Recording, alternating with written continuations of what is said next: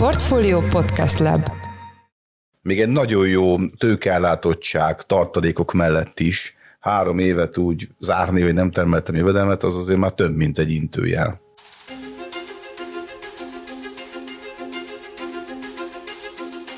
Mindenkit üdvözlünk, ez az Alapvetés, a Portfólió Agráriummal és élelmiszerekkel foglalkozó podcastje. Mai epizód az MBH Bank támogatásával jelenik meg, én Braun Müller Lajos vagyok, az agrárszektor főszerkesztője. Nem akármilyen éven van túl a hazai agrárium és élelmiszeripar, az Agrofood Business 2023-ban lényegében csak az elegendő csapadék kényeztette, a többi tényező inkább negatív volt. Érdekes kérdés tehát 2023 végső egyenlegének értékelése, de talán még annál is fontosabb, hogy mit hoz a jövő év. Rendezheti a sorokat 2024 talpra állhat-e a szántóföldi növénytermesztés, megőrizheti-e jó lendületét az állattenyésztés, szintet léphet-e az ígéretes, de komoly fejlesztésekre szoruló kertészeti ágazat. És mi lesz az élelmiszeriparral, valamint a piaccal, ahol idén hosszú idő után először újból visszaszorulóban vannak a magyar termékek. Mindezen kérdésekre keressük a választ vendégünkkel, Hollósi Dáviddal, az MBH Bank Agrár és Élelmiszeripari üzletágának ügyvezető igazgatójával. Szervusz Dávid, üdvözöllek a műsorban. Szervusz Lajos, köszöntöm a kedves hallgatókat. Kezdjük a szántóföldi növénytermesztésnél azért, mert akárhogyan nézzük, mégiscsak ez a gerince a magyar mezőgazdaságnak, hogy ez aztán jó vagy nem jó, arról beszélhetünk majd. Ugye Magyarországon van kicsit több mint 5 millió hektár művelésre alkalmas terület, ennek persze ugye egy része gyep, olyan 4,5 millió hektár szoktunk mondani, ami szántóföldi termesztésre alkalmas, és valljuk be, hogy ennek a nagy részén néhány növényt termelnek. Tehát a klasszikus kalászos gabonákat, kukoricát, napraforgó trepcét, és ez ugye nagyon sokáig egy viszonylag kényelmes pozíció pozíció volt sok szereplőnek, és tavaly az asszály miatt, meg, a, meg akkor már a hatalmas inputárak miatt, idén meg a még tavalyról áthúzódó magas input költségek és a borzasztóan alacsony felvásárlási árak miatt két nagyon kemény éven van túl ez a, ez a terület a mezőgazdaságon belül. Ugye mindig azt mondjuk, hogy egy rossz év a mezőgazdaságban az úgy benne van a pakliban, két rossz év az már nagyon kemény, majd térjünk vissza 2024-re is. Itt most egy válságot élünk meg, vagy csak összejött két rossz év? Én azt gondolom, hogy itt azért mintha valami trendforduló lenne, nem? Trendforduló van, ez egyértelmű. Azt azért lássuk, hogy kinek rossz ez az év, vagy az elmúlt két év, és kinek lehetett esetleg jó, vagy legalábbis egy elfogadható, és emellett én azt gondolom, hogy nem azt kell mondani, hogy elbukta az éveket a növénytermesztés, hanem az a modell, amit eddig folytatott, az, az kimúlt. Ez valószínűleg, ha már van két ilyen rossz éved, és nem akarok elárulni semmi különlegeset, de 2024-ben sem látunk ennél sokkal jobb évet, előrevetítve. Az már három év egymás után, amikor lesznek olyan termelők, akik nem termeltek semmilyen profitot ebben az ágazatban. Még egy nagyon jó tőkeellátottság tartalékok mellett is három évet úgy zárni, hogy nem termeltem jövedelmet, az azért már több, mint egy intőjel. Sőt, hát ugye úgy, hogy idén azért valljuk be, hogy nem volt rossz a termés. Voltak persze olyan minőségi problémák, amikre korábban nem készültünk, de összességében jó volt a termés, és így sem sikerült profitot realizálni, legalábbis a szereplők többségének. Termés jó volt, Kukoricát néztem most, 8 tonnás termés átlaggal, jól tudom, 5,6 millió tonnát tudtunk betakarítani. Viszont a minősége azért az most már évek óta hagy maga után kívánni valót. Nem csak feltétlenül arra gondolok, hogy fuzárium se vagy sem, hanem a legutolsó információim szerint a magyar búza jelentős része nem alkalmas malmi minősítésre. Ennek nincs piaca, viszont annak a nagyon jó minőségű gabonának viszont lenne piaca, amit nem sikerült megtermelni. Ez a magyar termelés egyharmada minősíthető, jó minőségűnek, nagyon jó minőségűnek. És még egy fontos dolog, amit pont a portfólió konferencián hallottam, és ez eddig érdekes módon bennem sem tudatosult, pedig nyilván ezzel foglalkozom nagyon sokat, mi vagyunk Európának szinte az az egyetlen országa, aki gabonát exportál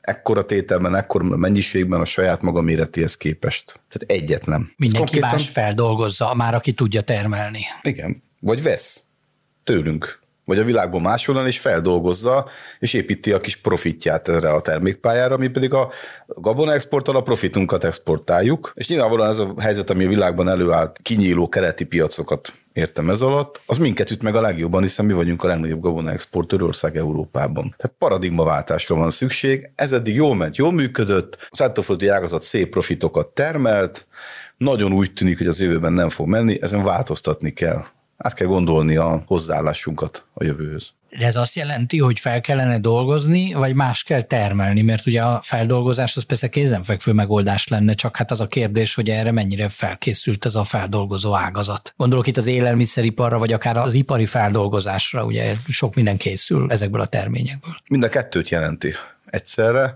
Az egyik egy rövid távú alkalmazkodás, ugye azt, hogy betétszerkezeten módosítsunk. Most beszéltem egy 1000-1100 hektáros termelővel, 10-12 növényel dolgozik, alternatív növényekkel dolgozik, és már öntözi is a területeinek a 20-30 százalékát, de ebben kőkemény 10 év munkája van, és betűmagüzem is van. Igen, és úgy is tűnik, mintha nagyon sokan nem, hogy 10 éve dolgoznának ezen, hanem még most sem ébredtek fel. Én most néztem a búzavetési szándékot, és aztán úgy tudom, hogy a megvalósult a tényadat az ennél kisebb lett. A búzavetési szándék, ha jól emlékszem, 973 ezer hektár, és valami 860 ezer hektár lett a tényadat, ami persze kevesebb, mint szokott lenni, de hogy még mindig a legtöbben ugyanazzal a tervel mennek neki a gyökeresen megváltozott helyzetnek. Szóval magában nem tartom egyébként egy katasztrofális számnak. A kijövő minőséget kell jelentősen javítani, az előbb is jeleztem. Tehát a jó minőségű magyar búzának, annak mindig lesz piaca, ezt azért szeretném hozzátenni. Ez a 14-es, 14 feles fehérje tartalom, Igen. erről beszélünk. Igen.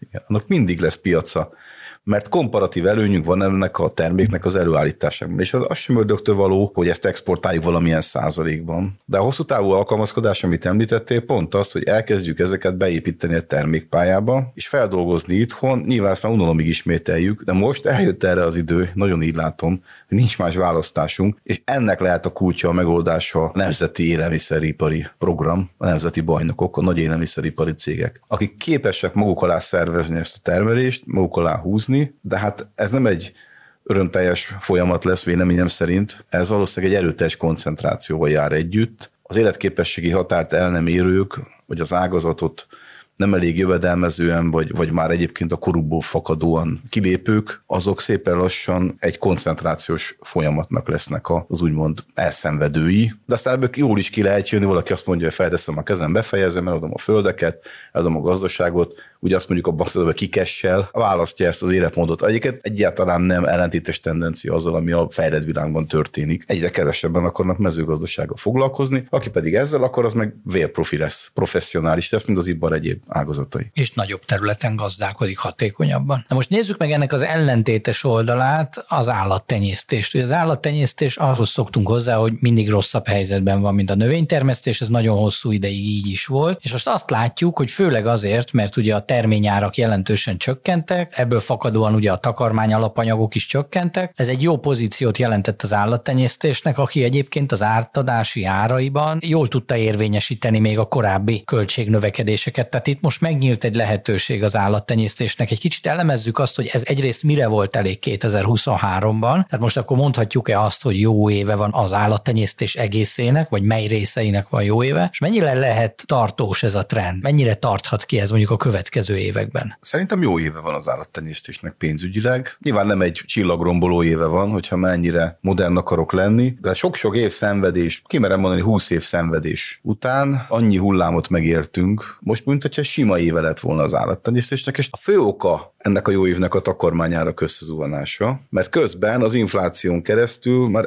elég komoly árakat elértek az állati fehérje alapanyagok a piacon. Ezt tudta érvényesíteni az élelmiszeripar felé, az élelmiszeripar meg a kiskár felé, a kiskár meg a fogyasztó felé. De ez a jelenség, ez legalább némi jövedelmet generált ebben a szenvedő ágazatban. De arra felhívom a figyelmet, hogy ettől sokkal hatékonyabb az állattenyésztés nem lett, még van bőven ott dolog. Kettő, Nyilvánvalóan ezt a szituációt már azok élték meg, akik az elmúlt kétszer tíz évben kihullottak ebből. Az láttuk azért azt az adatot, hogy 2010 óta az állattenyésztők 60%-a hagyta abba a tevékenységet. Akik viszont maradtak, azok most egy jobb évet zárhattak. Akik kiszenvedték ezt az időszakot, és egyébként tudatosabbak, fegyelmezettebbek, és még valamit hadd tegyek hozzá, aki egyszerre végzi a klasszikus termelést, tehát van szántóföldi növénytermesztés, és megtermeli a takarmányt, és az állattenyésztésben feletetti. Ez a klasszikus mezőgazdasági üzemmodell, a szocializmusban is ez volt, meg a nagybirtokok korában is. Annak most meg volt a lehetősége arra, hogy balanszírozzon az üzletágai között, és a sokkal helyesebb modellnek tűnik nekem, mint csak szántóföldi növénytermesztéssel foglalkozni, még akkor is, hogyha egyébként, ha valaki nagyon-nagyon professzionális valamiben,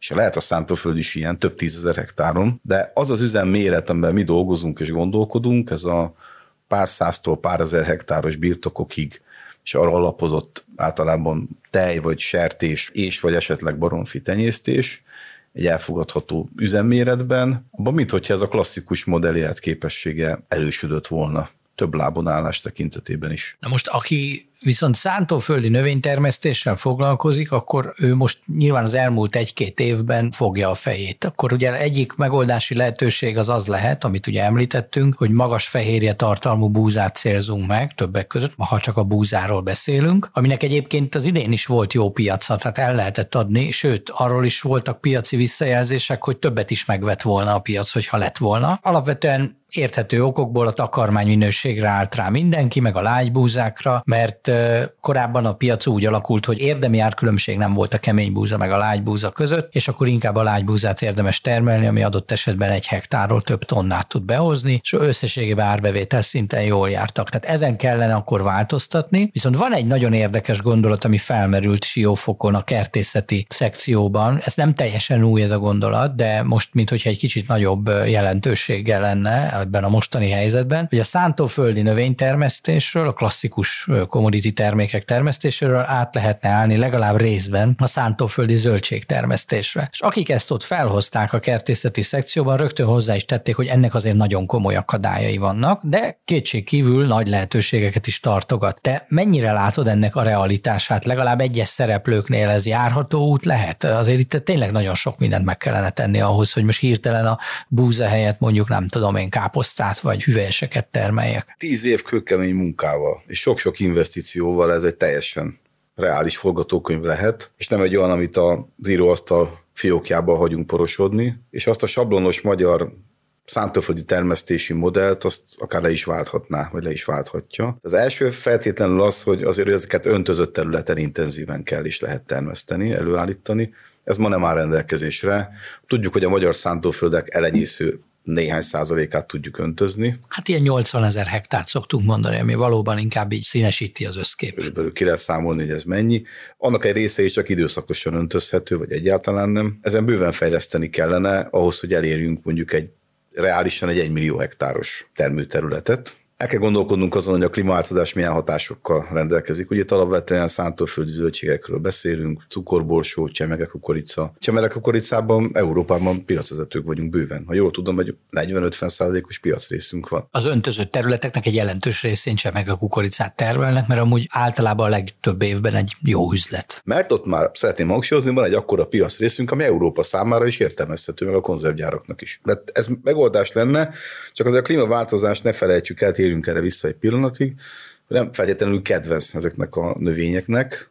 Ugye itt azért a öntözés nélkül a légköri asszályra gondolok, ami probléma lehet, illetve a jégverések, jégkárok, viharkárok aránya, illetve ide vehetjük még az UV-sugárzás erősségét, ami nyilvánvalóan roncsolja ezeket a növényeket. Ezeket meg kell tudni oldani, vagy, vagy olyan területekre vinni, ahol ennek kisebb hatása van. Sokkal nagyobb a forgótőke igénye, mint a konvencionális növénytermesztésnek, nagyobb a hozam is, de nyilván nagyobb az input költsége.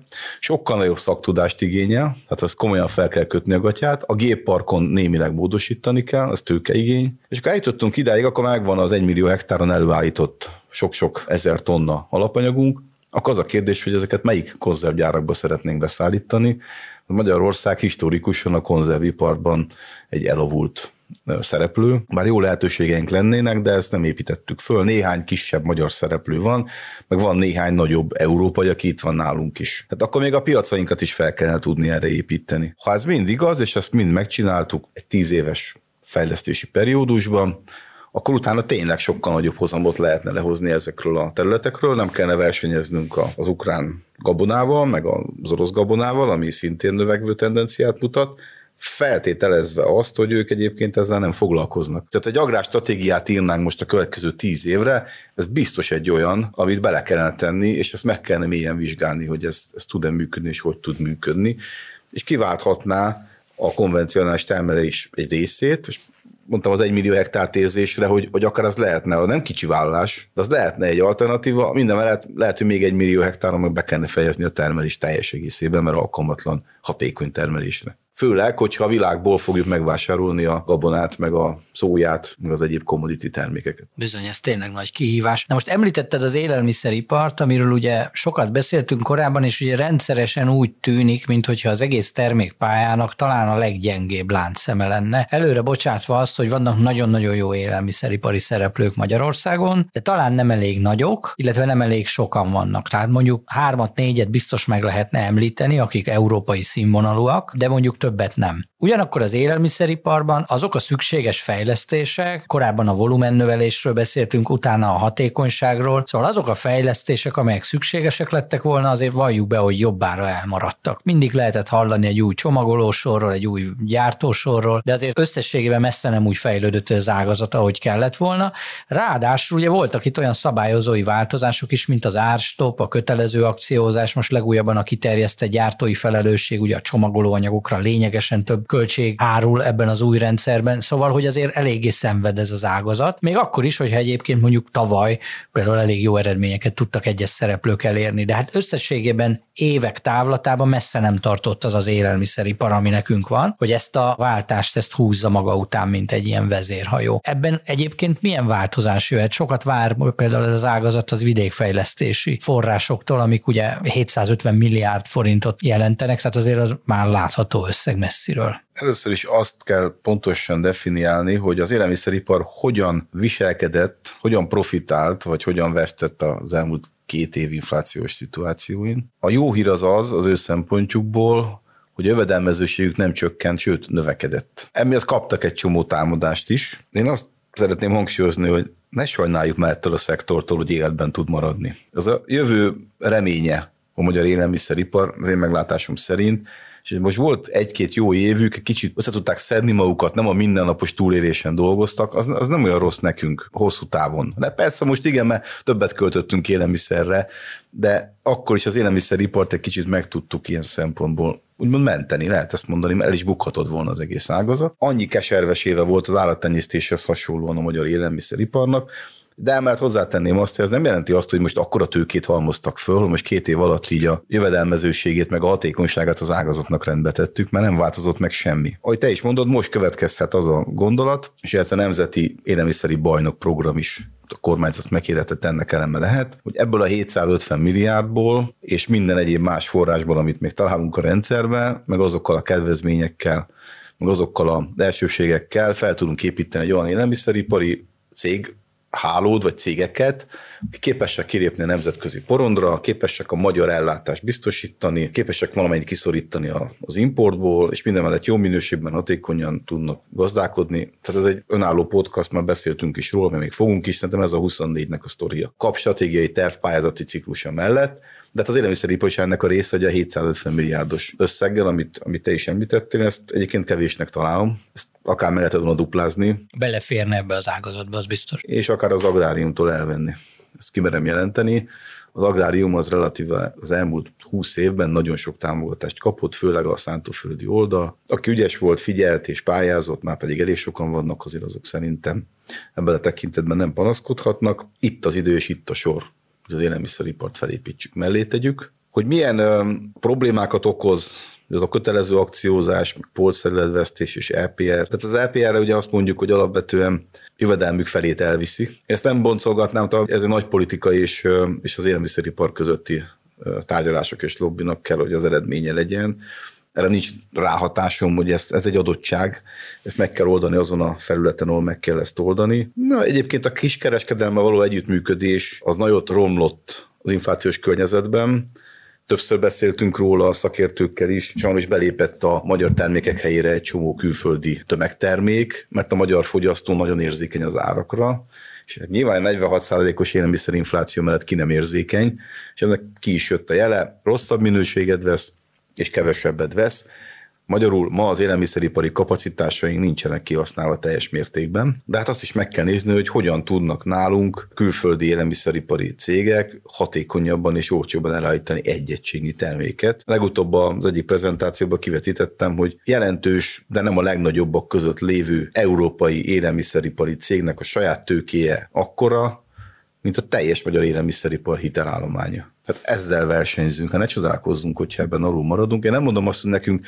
francia, német és olasz ilyen élelmiszer konglomerátumokat kell építeni, de legalább egy olyat, aki Magyarországon és a közép európában meg tudja állni a helyét, tud brandet építeni, brandépítés és annak a fenntartása az elengedhetetlen folyamat, és akkor talán meg tudunk oda érkezni. Ez a gondolat elkezdődött tavaly-tavaly előtt.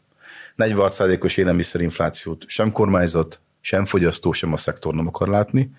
Muszáj tennünk valamit. Van egy jó mezőgazdaságunk, hát akkor tegyünk rá egy jó élelmiszeripart. 24-25-ben lehet pályázni, el lehet nyerni a pályázatokat, és megindulhat annak az építkezésnek az eleje, ami remélhetőleg az évtized második felére már versenyképes élelmiszeripart jelent Magyarországon is. Most ebben azt gondolom, hogy az egyik legkritikusabb dolog az az lesz, hogy mire eljutunk a vidékfejlesztési pályázatokra oda, hogy a banki forrás be kell vonniuk a szereplőknek, lesznek-e olyan kamatok, hogy ez így megérje. Most azt látjuk ugye, hogy hónapról hónapra csökkennek a kamatok, és ugye szépen lassan megy le ez a, hát mondjuk úgy az elmúlt tíz évben messze nem látott magas kamatszint. Például mondjuk az is érdekelne engem, hogy lesznek-e olyan kockázatok esetleg a 2024-ben, amik ezt a kamatcsökkentési ciklust megakaszthatják. Mert azért én azt gondolom, hogy ha egy ilyen történne, mondjuk teszem azt tavasszal nem tudnak tovább csökkenteni kamatot, bármilyen okból, akkor ugye az egész vidékfejlesztési pályázatnak ennek a 750 milliárd forintnak a sorsa az kérdésessé válik. Tehát magyarul az a kérdésem, hogy összeállhat-e az a konstelláció, hogy amikor eljutunk odáig, hogy na akkor tényleg el kell kezdeni a pályázatokat forrás oldalról is rendezni, akkor már olyan kamatok lesznek, ami mellett ez megéri. A kamat környezetnek a tendenciája, üteme az valóban oda vezet, hogy jövő év végére egy elfogadható kamatszint lesz, és akkor nem kamat támogatott konstrukcióban, piaci források mellett is 10% alatti kamaton lehet beruházni, vagy beruházási hitelt igényelni, ami talán még kitermelhetőnek is látszik a, megjegyzem, a leghatékonyabbaknál. Mert a nem hatékonynál a néhány százaléknál többet nem lehet kitermelni. Sőt, mi lehet, hogy az sem. Ilyen környezetben, ami most van. Azt, hogy a kamatpálya megbicsaklik-e, azt alapvetően a makrogazdasági szakemberek elemzéseiből tudjuk meg, meg számtalan összetevője van. Ugye vannak egyedi és stresszelő hatások, úgymond, vagy haváriák, amit az elmúlt években láttunk. Háború, infláció, koronavírus, ez mind-mind ilyet hozhat, de alapvetően nyilván a, egy ország kamat színvonala azért bárazza az országnak a, hogy mondjam, a minőségét, és ez alapján, ha nem romlanak az ország besorolási mutatói, akkor azért azt gondolom, hogy kamatszint az, az helyén van, helyén lesz, és jó lesz, tehát már olyan lesz, amivel lehet beruházni, de ne, ne számítsunk arra, hogy hogy visszatér az az, az olcsó pénz korszaka, ami 2013 és 2020 között volt Magyarországon és a világban is. Abban azért sok mindent meg lehetett csinálni, olyan mostanában megmerem kockáztatni, lehet, hogy a mi életünkben nem lesz többet. A másik az az, hogy figyeljük az amerikai államkötvény hozamokat, 10 éves fix államkötvény hozam 5% környékén van. Mit jelent ez?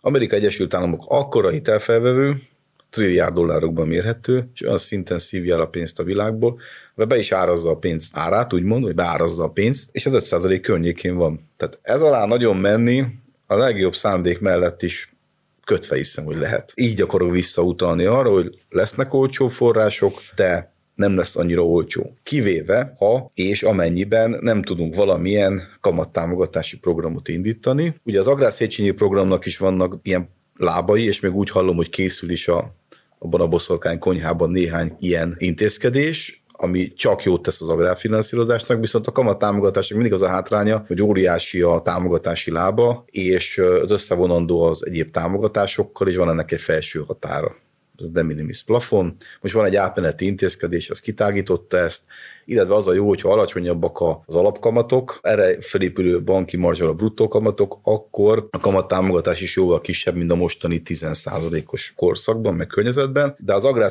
beruházási hiteleknek is van egy felső határa, ugye 1 milliárd forint e fölé nagyon nehéz menni, ez nagyon komoly döntés kell, illetve hát égeti, hogyha ennél nagyobb keretösszeget akarunk adni egy ügyfélnek, akkor égeti a támogatási keretet, és még valami, a vidékfejlesztési pályázatoknál úgy tűnik, dolgozunk a bankszövetségben és a minisztériummal azon, de elsősorban a minisztériummal, hiszen ő ennek a gazdája, hogy a vidékfejlesztési pályázatok mellé egy kamattámogatásra is lehessen pályázni. Na, ez sikerül, és ez működik, akkor az nagyon dobhat azon, hogy az elnyert pályázók tényleg meg tudják valósítani, és a banki oldalról is elhisszük azt, hogy ki tudja termelni a tőkét és a kamatokat. Akkor most, hogy így elemeztük 2023-at, és azért sokat beszéltünk 24-ről, foglaljuk össze azt, hogy mi várható a jövő évben, mert én azt gondolom, hogy egy hasonlóan izgalmas évünk lesz. Majd aztán meglátjuk, hogy mennyire pozitív, de hogy izgalmas lesz, az biztos. De mit vársz 2024-től az ágazatban? A legreálisabb forgatókönyv az, hogy ami 2020 és 23 között elromlott, az nem fog egy év alatt megjavulni, és a jövő év az egy átmeneti év lesz, de már az építkezés éve. Készülünk az új érára, az új jövőre, ezt a támogatási pénzek, a kamat környezet és a piaci környezet is ezt mutatja. A szántóföldi növénytermesztésnek legyünk optimisták, lesz egy jó közepes éve biológiai időjárási szempontból. A jövedelem és az árak tekintetében pedig nem várok túl sokat változást.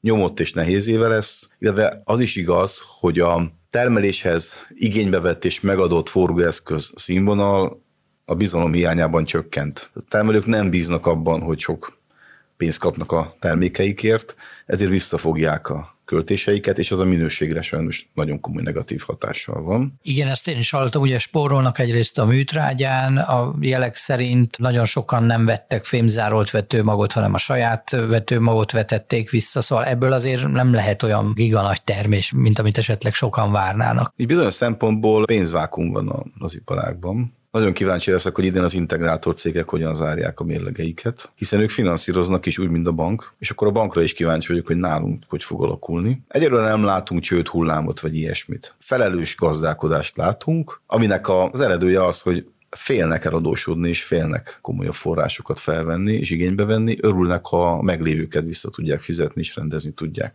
Tehát ez azért egy pénzügyi kulturáltsági szintet is jelez szerencsére pozitív irányban. De egy kicsit előrevetíti azt is, hogy 2024 nem tud ennek tekintetében a bőségével lenni. Túl kell lenni ezen az éven, túl kell élni. Ez a szántóföld. Az állattenyésztésnek meggyőződésem szerint, ha a szántóföld ezt hozza, annak még ki fog tartani a lendülete. És egy jó átlagos teljesítmény mellett is lesz egy pozitív éve, Ugye ebben az ágazatban azért akkora volatilitás, hogy már annak is örülünk, hogy nem merül fel az, hogy fizetésképtelenségek alakulnak ki, vagy, vagy olyan árak alakulnak ki, ami önköltség alatti színvonalat jelez, hanem egy tisztességet profitot haza tud vinni a, termelő. Ez azért fontos, mert fennmarad a magyar állattenyésztés, és még talán a bővülő forrásokkal fejleszteni is tud. Az élelmiszeripar tekintetében pedig óriási kérdés, hogy az az infláció, ami végbe ment az árakban, és ide sorolom a kiskereskedelmet is akkor, a rájövedelmek tekintetében utolérhető-e a prognózisok szerint 2024 második felében érjük utol. Ez így van, akkor a fogyasztáson látszani fog. De azért arra felhívom a figyelmet,